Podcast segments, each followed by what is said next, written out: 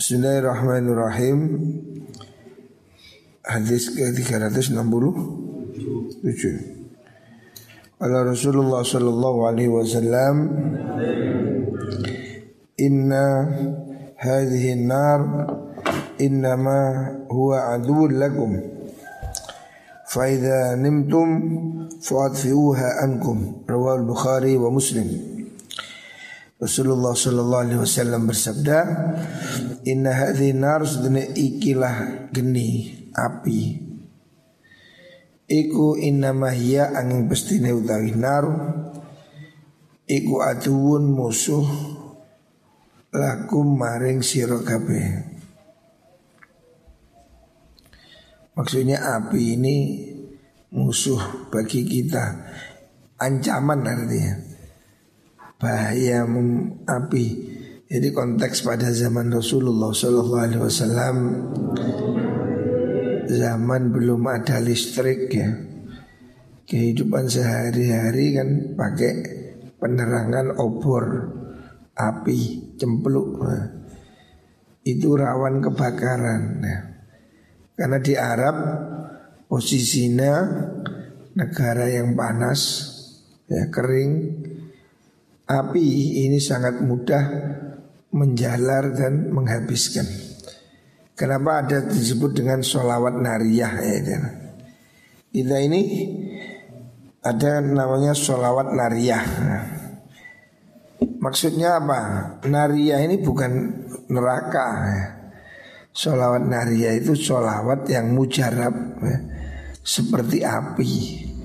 Jadi di Arab itu diyakini api ini bisa merembet melalap bangunan dalam cepat. Sebuah hutan dalam hitungan detik bisa hangus karena keadaan kering dan panas. Ya. Jadi disebut sholawat nariyah yang kita baca itu sholawat nariyah karena sholawat ini sudah terbukti orang-orang Maghrib ya, ini mengamalkan sholawat nariyah itu cesplong gitu lah. Cesplong artinya apa? Mujarab Seperti api yang membakar Artinya begitu cepat efeknya, reaksinya itu cepat Makanya kita membaca sholawat nariyah itu berharap ada pertolongan Allah dalam tempo yang cepat Seperti sebuah api yang menyambar kayu kering ya disebut dengan sholawat nariyah. Lah api itu membahayakan. Makanya Rasulullah Sallallahu Alaihi Wasallam mengingatkan supaya kamu jangan sembrono. Ya. Faidanim tum nalikan itu urus apa sira kabeh fa'atfi'uha ankum fa'atfi'u mongko mateni sira ha ing nar ankum saking sira kabeh kalau kamu tidur matikan api ya. Dalam konteks saat itu penerangan pakai api ya. Tapi kalau tidak takutnya api ini guling disenggol kucing rumahnya terbakar. Rumah pada zaman itu ya belum ada ini apa teknologi tembok yang kuat ya Rata-rata masih terbuat dari kayu di atap kayu. Makanya api menjadi ancaman. Akan tetapi hari ini ya Apa yang dikatakan Rasulullah SAW Hendaknya kalau tidur memadamkan api. Kalau konteks hari ini kan memadamkan lampu. Ada satu penelitian Ternyata memang yang bagus tidur itu tidak dalam lampu terang. Nah, itu ada penelitian memang tidur lebih baik ya, lebih sempurna kalau tidak silau ya. Jadi sebaiknya memang tidur ini penelitian dokter abad sekarang tidur itu sebaiknya tidak pakai lampu terang, jadi matikan lampu. Atau ada istilah lampu tidur ya, lampu remeng. Itu lebih bagus ya. Jadi 14 abad yang lalu Rasulullah Shallallahu Alaihi Wasallam sudah menyuruh matikan lampu ya. WhatsApp audio. Bentar. Si ngawas sih, ngawas, ngawas. 14 abad yang lalu Rasulullah sudah mengingatkan jangan tidur dengan api nyala. Hari ini ya dengan lampu nyala. Jadi matikan lampu. Ini juga penghematan ya. Jadi malam hari tidak usah lampu terang, matikan lampu. Kalau perlu ya sedikit aja ya. Itu lebih bagus. Secara ilmu kesehatan hari ini juga masih bagus. Rawal Bukhari wa Muslim. Inna Allah wa Rasulahu harrama al khamri. Selanjutnya Rasul mengatakan Inna Allah sesungguhnya Allah Sesungguhnya Allah wa rasulahu lan utusane Allah. Rasulullah juga sama. Iku harrama ngarumakan sinten Allah wa rasuluh. Bi al khamri ing adol khomer. Allah dan Rasulullah tidak memperbolehkan transaksi jual beli khomer minuman keras ya. Minum tidak boleh Jual beli juga tidak boleh. Wal maitatalan batang Bangkai juga begitu Tidak boleh dijual Kecuali ikan. Wal khinzira lan celeng Babi Ini juga nggak boleh Alhamdulillah Wal asnam lan napa niku patung-patung. Tidak boleh jual patung. Berhala patung ya. Ini semua dilarang oleh Rasulullah Shallallahu Alaihi Wasallam. Tidak boleh memperjuangkan benda-benda itu. Benda najis homer ya whisky babi bangkai ya. Itu juga tidak boleh. Inna min ahlakil mu'min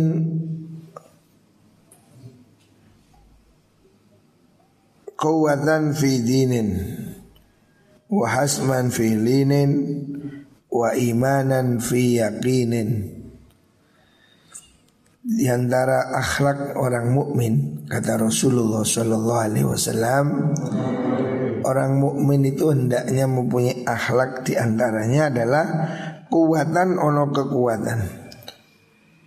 Fidinin ing dalam agama Yang pertama orang mukmin itu harus mempunyai kekuatan ya. Agama ini harus ada kekuatannya Ada keteguhan imannya. Dalam kondisi apa pun Iman ini harus dijaga ya Kita hidup mati harus bertahan dalam iman Makanya kita setiap hari oleh Allah diingatkan azan lima waktu selalu mengatakan Allahu Akbar. Ingat Allah Maha Besar. Artinya dibanding apa pun harus Allah yang Maha Besar. Dibanding harta, dibanding wanita, apa pun Allah Maha Besar ya. Ini ditanam di hati orang mukmin. Semboyan orang mukmin Allahu Akbar. Sholat juga Allahu Akbar. Bayi lahir azan Allahu Akbar. Orang mati pun dibacakan azan Allahu Akbar. Jadi akhlak orang mukmin harus ada kekuatan ya. Fidinin dalam agama. Agama ini harus teguh ya. Tidak boleh mencelek-mencelek ya. Kalau sudah berbicara agama kita mengambil sikap yang tegas ya. Bukan berarti kasar bukan, tapi harus tegas ya. Konsep kita itu apa? La a'budu ma tak butuh ya. Tuhan saya ya saya punya kamu punya Tuhan. Saya tidak akan berkompromi ya. Soal agama harus teguh kuat. Wahazman lan mantap te, artinya kuat filinin ing dalam kelembutan. Orang mukmin itu harus lembut tapi harus tegas gitu. Hazman filinin. Memang kita ini dianjurkan jangan bersikap kasar. Jangan menjadi brutal. Harus ada kelembutan Tapi harus ada ketegasan. Jadi tegas dalam kelembutan. Nah, Ini tidak gampang kan? Kalau tegas tok Akhirnya jadi kasar Kalau lembut tok Jadi ini lembek Tengah-tengah Hazman filinin Orang mukmin harus tegas tapi tetap lembut ya. Ini sifat orang mukmin. Jadi tidak brutal, tidak kasar, tapi juga tidak loyo. Ya. Harus ada harga diri yang orang mukmin ini ya. Rasulullah Shallallahu Alaihi lembut sekali ya. Tapi pada posisi tertentu beliau sangat tegas sekali. Beliau tidak mau kompromi, ya. tegas. Ada lembut tapi harus tegas. Satu riwayat ada orang mencuri dari keluarga bangsawan. Mereka membujuk Nabi jangan dihukum. Nabi tidak mau. Nabi mengatakan, "Lau anna Fatimah binta Muhammadin syarakat laqata'tu yadah." Nabi tidak mau kompromi, tidak ini pelanggaran. Seandainya Fatimah anak saya mencuri, saya potong tangannya. Oh, Nabi tegas. Satu sisi beliau lembut, tapi ada ketegasannya. Nabi juga mengatakan Anak kecil suruh sholat. Kalau umur 10 tahun tidak sholat pukul. Nah, Ini salah satu ketegasan. Jangan dibiarin. Ada sakarpe Kak sembahyang sakarpe Yuk kak sembahyang tenang Nah Jadi ada kelembutan tapi ada ketegasan Wa imanan dan iman fi yakinin ing dalam yakin ya. Beriman dengan penuh keyakinan. Nah ini meyakini ya. Dalam iman hidup ini ada takdir Baik dan buruk semua ketentuan Allah subhanahu wa ta'ala. Kita ini takdir percaya ya. Hidup ini tidak ada yang lepas dari kehendak Allah ya. Termasuk virus corona ini semua dalam kekuatan Allah Makanya jangan terus menjadi kita ini terlalu mengandalkan akal tapi tidak mengandalkan iman. Kita percaya bahwa hidup ini khairihi wa syarihi min Allah. Makanya ya solusinya apa? Ya harus berdoa ya. Waktu pandemi seperti ini memberi kesempatan kita untuk munajat ya. Banyak berdoa kepada Allah bahwa kita ini manusia tidak berdaya. Virus ya yang namanya virus itu kecil. Kalau masih makhluk itu kelihatan, tengu masih kelihatan. Semut masih dilihat. Namanya virus tidak tampak mata. Tapi bisa mematikan, bisa mengguncang dunia. Hari ini 250 negara sibuk dengan virus ini. Amerika mencatat kematian terbesar sekarang. Padahal Amerika ini kan sudah canggih senjatanya canggih, teknologi canggih, tidak berjaya sudah. Virus lebih kuat dari mereka. Nah, kita harus punya iman, ada keyakinan. Ya, kullu yusibana illa kama kata Allahu lana. Kita tidak akan terkena sesuatu yang tidak ditentukan oleh Allah. Virus pun kalau Allah tidak menampakkan, tidak membahayakan, tidak bahaya ya. Buktinya api pun tidak membakar Nabi Musa ya. Eh Nabi siapa? Nabi Ibrahim Lautan tidak menenggelamkan Nabi Musa Kekuatan Allah ini ada ya. Jadi kita ini harus percaya kekuatan yang maha hebat ya. Akhir-akhir ini kan kekuatan iman semakin ditipiskan Orang semakin ditakut-takuti Orang semakin dibuat rasional tapi mengesampingkan kekuatan yang sudah ada ya, di atas kekuatan akal. Akal manusia ini terbatas ya. Allah maha kuat ya. Jangan hanya mengandalkan akal ya. Hati-hati ya. Protokol kesehatan ya. Tapi jangan lupa ada kekuatan Allah yang mempunyai innama amruhu idza arada syai'an ayyaqula lahu kun. Ya. Sudah Allah itu cuma kun selesai ya. hanya dalam satu kata kun antara kaf dan nun ini kun. Kalau Allah takdirkan kun apa yang nggak bisa? Virus ini selesai ya. Ekonomi apa pun kesulitan Allah yang mampu ya. Iman harus dikuatkan ya. Jangan jadi iman kita yang semakin lembek gara-gara corona ini ya. Wahirson fi ilmin Wahirson lan lupo Maksudnya Demen Fi ilmin ing dalam ilmu Hendaknya kita ini Punya keinginan kuat untuk mencari ilmu ya. Jangan pernah merasa pintar ya. Jangan pernah merasa diri sempurna. Harus kita mau belajar dari orang lain. Walaupun kamu udah mondok berapa tahun Jangan merasa pintar Di atas langit ada langit Jadi jangan dipandang kamu ini oh, anak kecil apa Jangan. Siapa pun kalau mengatakan yang baik Dengarkan Dan maulah kita selalu belajar ya. Wahyurson fi ilmin Akhlak orang mukmin. Selalu ingin mendapat tambahan ilmu. Bahkan kanjeng Nabi aja loh. Nabi ini contoh Nabi ini sudah kurangnya apa sih?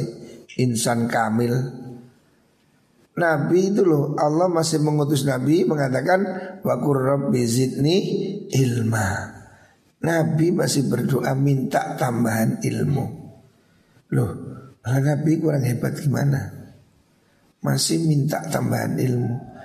Jadi jangan pernah puas ya. Jangan pernah merasa dirimu sudah matang Seperti mangga. Buah mangga kalau sudah merasa matang Apa yang terjadi? Bosok. Belum matang ya Bosok. Makan jodot. Manusia juga begitu. Kalau dirinya merasa matang Akan jatuh ya. Akan dimakan jodot ya. Akan dia mendapatkan kesulitan atau petaka. Jangan pernah merasa pintar ya, walaupun kamu sudah ngaji, sudah mondok, tidak ada kata sudah pintar. Teruslah belajar ya. Konsep belajar Rasulullah Wasallam minal mahdi ilal lahdi dari ayunan sampai luang lahat sampai kematian. Terus kita ini di mana pun ngaji ya. Sekarang yang di pondok ngaji Yang di rumah juga ngaji online. Nah ini ngaji. Hari ini Allah memberi kita Kesempatan kita ini luar biasa. Ada ngaji bisa online. Zaman dahulu kan tidak ada Zaman sekarang sudah Semua orang bisa online. Yang penting punya pulsa Semua orang sudah bisa melakukan ngaji di mana pun. Harus kita selalu ingin menambah ilmu. Jangan pernah merasa pinter Walaupun sudah doktor, walaupun profesor ya. Kiai sekalipun. Yang sering saya contohkan itu Bayi Anwar. Pengasuh pesantren Anurin Bayi Anwar. Itu kalau mondokkan anaknya ke pelosok ya Saya diceritai Kiai di pelosok. Bayi Anwar ini kalau ngirim anaknya ke pondok pelosok Beliau itu duduk ngaji. Padahal kiainya ini temannya Bayi Anwar ya. Mbak Anwar ini Kiai sepuh. Kiai Peloso itu temannya Mbak Anwar Tapi Mbak Anwar kalau ngirim anaknya ke pondok Itu beliau duduk ikut ngaji. Nah ini loh. Orang punya ilmu tidak pernah merasa sombong. Masih mau belajar. Wasyafaqatan Fi miqatin. Wasyafaqatan dan welas fi miqatin ing dalam rasa demen. Jadi hendaknya orang ini punya rasa belas kasih dan cinta ya. Hidup saling mengasihi. Kita ini tidak bisa hidup sendiri. Berikan simpati, berikan empati pada orang lain. Berusaha untuk bisa memahami kesulitan orangnya. Apa yang kita berikan untuk orang tidak akan hilang. Kalau kamu peduli ya orang lain, kamu peduli dengan kesulitan orang. Kalau kamu hidup dengan cinta ya, belas kasih, Tuhan pasti akan mengasihi kamu. Ya. Ar-rahimuna yarhamuhumur rahman. Ya. Orang yang hatinya penuh kasih dikasih oleh Allah. Ya. Jangan mempunyai hati yang kasar kaku. Hendaknya kamu punya syafaqatan fi miqatin. Rasa belas kasih dalam cinta ya. Kepada siapa pun hendaknya kamu tunjukkan rasa cinta. Pada orang yang lebih tua hormati dia. Orang tua itu pasti sholatnya lebih dulu dari kita. Ibadahnya lebih lama dari kita. Ada anak kecil sayangi dia. Anak kecil itu pasti dosanya lebih sedikit dari kita. Ya. Berusaha untuk mencintai orang lain. Orang bodoh sekalipun. Orang bodoh itu jangan diremehkan. Mungkin dia karena bodoh diampuni oleh Allah. Orang alim dihormati. Kenapa? Orang alim itu mungkin karena ilmunya dia dimuliakan oleh Allah. Jadi biasakan kita berbicara dengan bahasa cinta pada siapa pun ya. Jangan membenci siapa pun. Wahilman fi ilmin. Sifat orang mukmin lagi Wahilman lan aris bijak. Fi ilmin ing dalam duweni ilmu. Jadi bijak dengan ilmu. Bukan asal permisif ya. Bijak dengan ilmu ya. Ada dasarnya gitu. Bukan lembek. Wakos dan fi ghina. Sifat orang mukmin selanjutnya wakos dan lan sedengan tidak berlebihan. Fi in dalam suki. Kalaupun kamu kaya tidak usah menunjukkan kemewahan. Hari ini kita ini setiap hari di medsos kan di gombali artis beli mobil 3M 5M orang berpamer-pamer kekayaan. Sebetulnya kaya pun tidak perlu dipamerkan. Hendaknya meskipun kamu kaya Hendaklah tetap kamu hidup sederhana ya. Jangan mempertontonkan kemewahan Di sekitar kita ini masih banyak orang yang miskin Masih banyak orang yang butuh ya. Jangan pamer kekayaan Itu akan menyakiti orang lain Minimal membuat orang menjadi iri ya. Sedengan aja Kaya juga sederhana, miskin juga sederhana. Miskin pun tidak perlu semiskin apa pun nggak usah lah cerita-cerita saya miskin, saya miskin tidak usah lah. Kalau mau ngadu cukuplah mengadu pada Allah Subhanahu wa taala. Hidup semiskin apa pun tidak usah diwadulkan orang lain. Karena orang lain juga nggak akan memberimu uang ya, tanpa alasan. Hiduplah sederhana kaya sederhana meskipun sederhana. Wa ta'ammulan wa tajammulan lan gawe kebagusan fi faqatin in dalam kemelaratan. Ini sifat orang mukmin. Menurut Rasulullah sallallahu alaihi wasallam hendaknya kamu tetap bersifat baik meskipun kamu itu miskin ya. Miskin tidak perlu ditunjukkan pada orang ya. Hidup semiskin apa pun Tidak perlu dikatakan pada orang lain. Kalau kamu mau sambat Sambatlah pada Allah subhanahu wa ta'ala. Jadi dalam keadaan miskin pun kamu harus gagah ya. Jangan tunjukkan kelemahanmu pada orang lain. Orang ini kalau tahu kelemahanmu Belum tentu dia mengasihimu.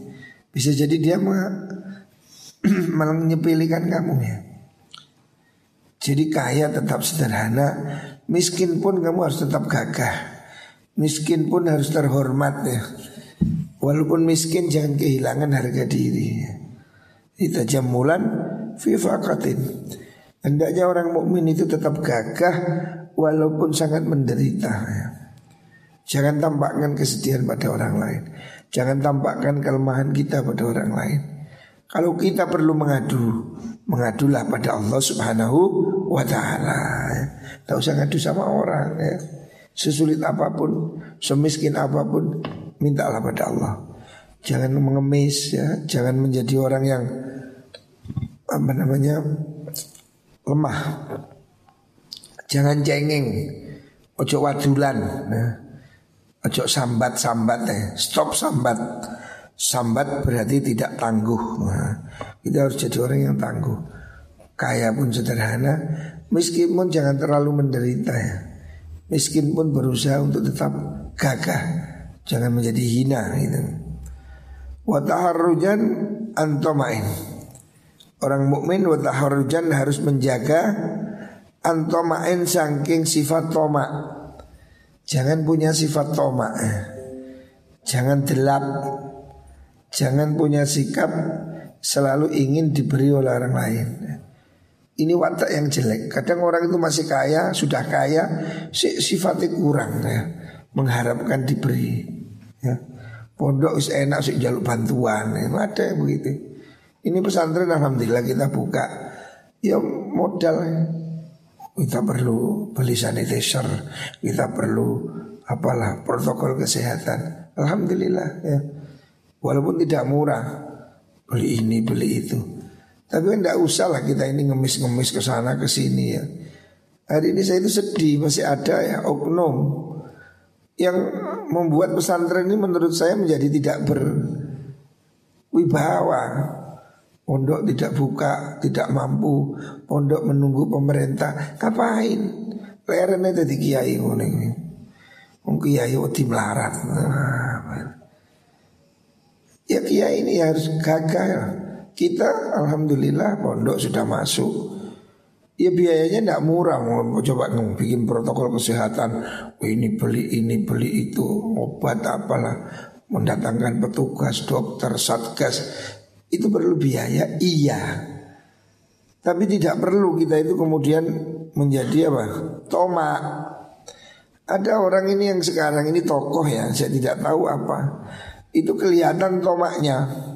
Pesantren jangan buka dulu sebelum dibantu pemerintah. Sejak kapan pesantren harus delap ini sejak kapan? Gitu.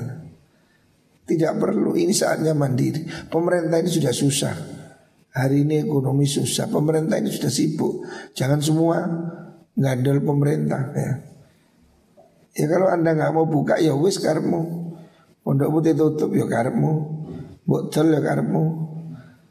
Tapi tidak perlu menjadi pengemis gitu loh. Masih ada yang serba ini, serba semuanya masih minta bantuan. Tidak perlu ya. Ada bantuan, alhamdulillah. Enggak ono, bismillah ya. Kita ini hidup mandiri aja, ya. jangan tomak. Wakasban min halalin. Selanjutnya etika orang mukmin wakasban dan penggawean. Ya. Fi halalin in dalam halal. Orang mukmin harus punya semangat mandiri ya. Kamu semua harus punya sifat mau kerja. Jangan suka nganggur ya. Rasulullah Shallallahu Alaihi Wasallam kanjeng Nabi itu juga tidak nganggur loh. Ya. Kanjeng Nabi itu juga kerja. Padahal kanjeng Nabi ini makhluk yang paling dicintai Allah Subhanahu wa Ta'ala. Ya. Meskipun Nabi ini dicintai Allah Meskipun Nabi itu orang yang disayangi Allah Tapi Nabi juga tidak hidup berpangku tangan. Nabi gak terus menang-menang dungo Ya Allah isu-isu ini Ya Allah Wedang kopi ya Allah. Datangkanlah kopi ajaib dari langit. Enggak Kalau kamu kopi yang boleh cedik geni ngombe ini Kanjeng Nabi itu tidak mengajari kita cengeng Nabi juga perang, perang Badar, perang Uhud, fisik loh ya. Nabi gak terus diam di rumah. Ya Allah hancurkan mereka. Ya Allah kures itu Mencretkan semua. Tidak begitu. Nabi juga mengajari perang. Ya berdoa Ya bekerja. Nabi perang ya. Perang Uhud bagaimana? Nabi sampai diserang musuh Sampai giginya berdarah-darah Jadi Nabi physically itu perang, gagah. Bahkan Nabi ini kata sahabat, panjang Nabi ini orang yang gagah berani. Banyak sahabat itu yang berlindung di belakang Nabi. Jadi kalau perang berkecamuk, zaman dulu kan perang ini berhadapan kan, tanding satu lawan satu. Ya ada panah tapi kan tidak sehebat hari ini. Jadi perang zaman dahulu ya, kamu lihat di film kolosal itu, wah kerotak kerotak kerotak, saling serbu, saling baku hantam, bacok membacok. Nabi itu tidak lari di belakang, Nabi itu di depan kalau perang. Bahkan dalam riwayat disebutkan banyak sahabat itu yang ngintil di belakangnya Nabi. Ya. Jadi Nabi di depan tandang kai perang, sahabat itu malah ngintil di belakang. Jadi Nabi ini bekerja betul, tidak hanya berdoa. Nabi juga berdagang, Nabi juga bekerja dan berperang. Bahkan Nabi mengatakan Inna Allah ja'ala rizki tahta dhilli rumhi. Allah itu menjadikan rezeki saya di bawah bayang-bayang tombak saya. Artinya Nabi ini tidak cukup hanya dengan berdoa. Kanjeng Nabi mengajarkan pada kita untuk hidup yang dinamis, bekerja ya. Wakasban fi halalin, jangan lupa. Nabi memberikan kriteria akhlak orang mukmin mau bekerja yang halal. Jangan gengsi. Betul bakso, betul kerupuk. Eh. Jangan gengsi walaupun kamu kiai, walaupun ustad, jangan gengsi bekerja ya. Lah kalau kamu golek penggawean sing bersih, licin, sepatuan, dasian, kendire. Tidak harus begitu ya. Tidak apa-apa kotor-kotor. Kalau perlu ya kerja yang Yang penting halal ya. Lebih baik kerja tubuh kita kotor Yang penting hasilnya halal. Daripada kerja bersih-bersih Tapi nyolong nah, Maling tapi sepatuan Untuk apa Ya lebih baik sandalan tapi bekerja ya. Penting Harta bekerja yang halal ini penting Soal rezeki itu prerogatif Gusti Allah. Kita yang butuh kai berusaha ya. Wabaran fistiqamah di antara orang mukmin baran kawi bagus fistiqomatin dalam istiqomah. Kamu harus istiqomah ya, berbuat baik dan istiqomah. Ojo dok-dok nyeng ya. Jamaah.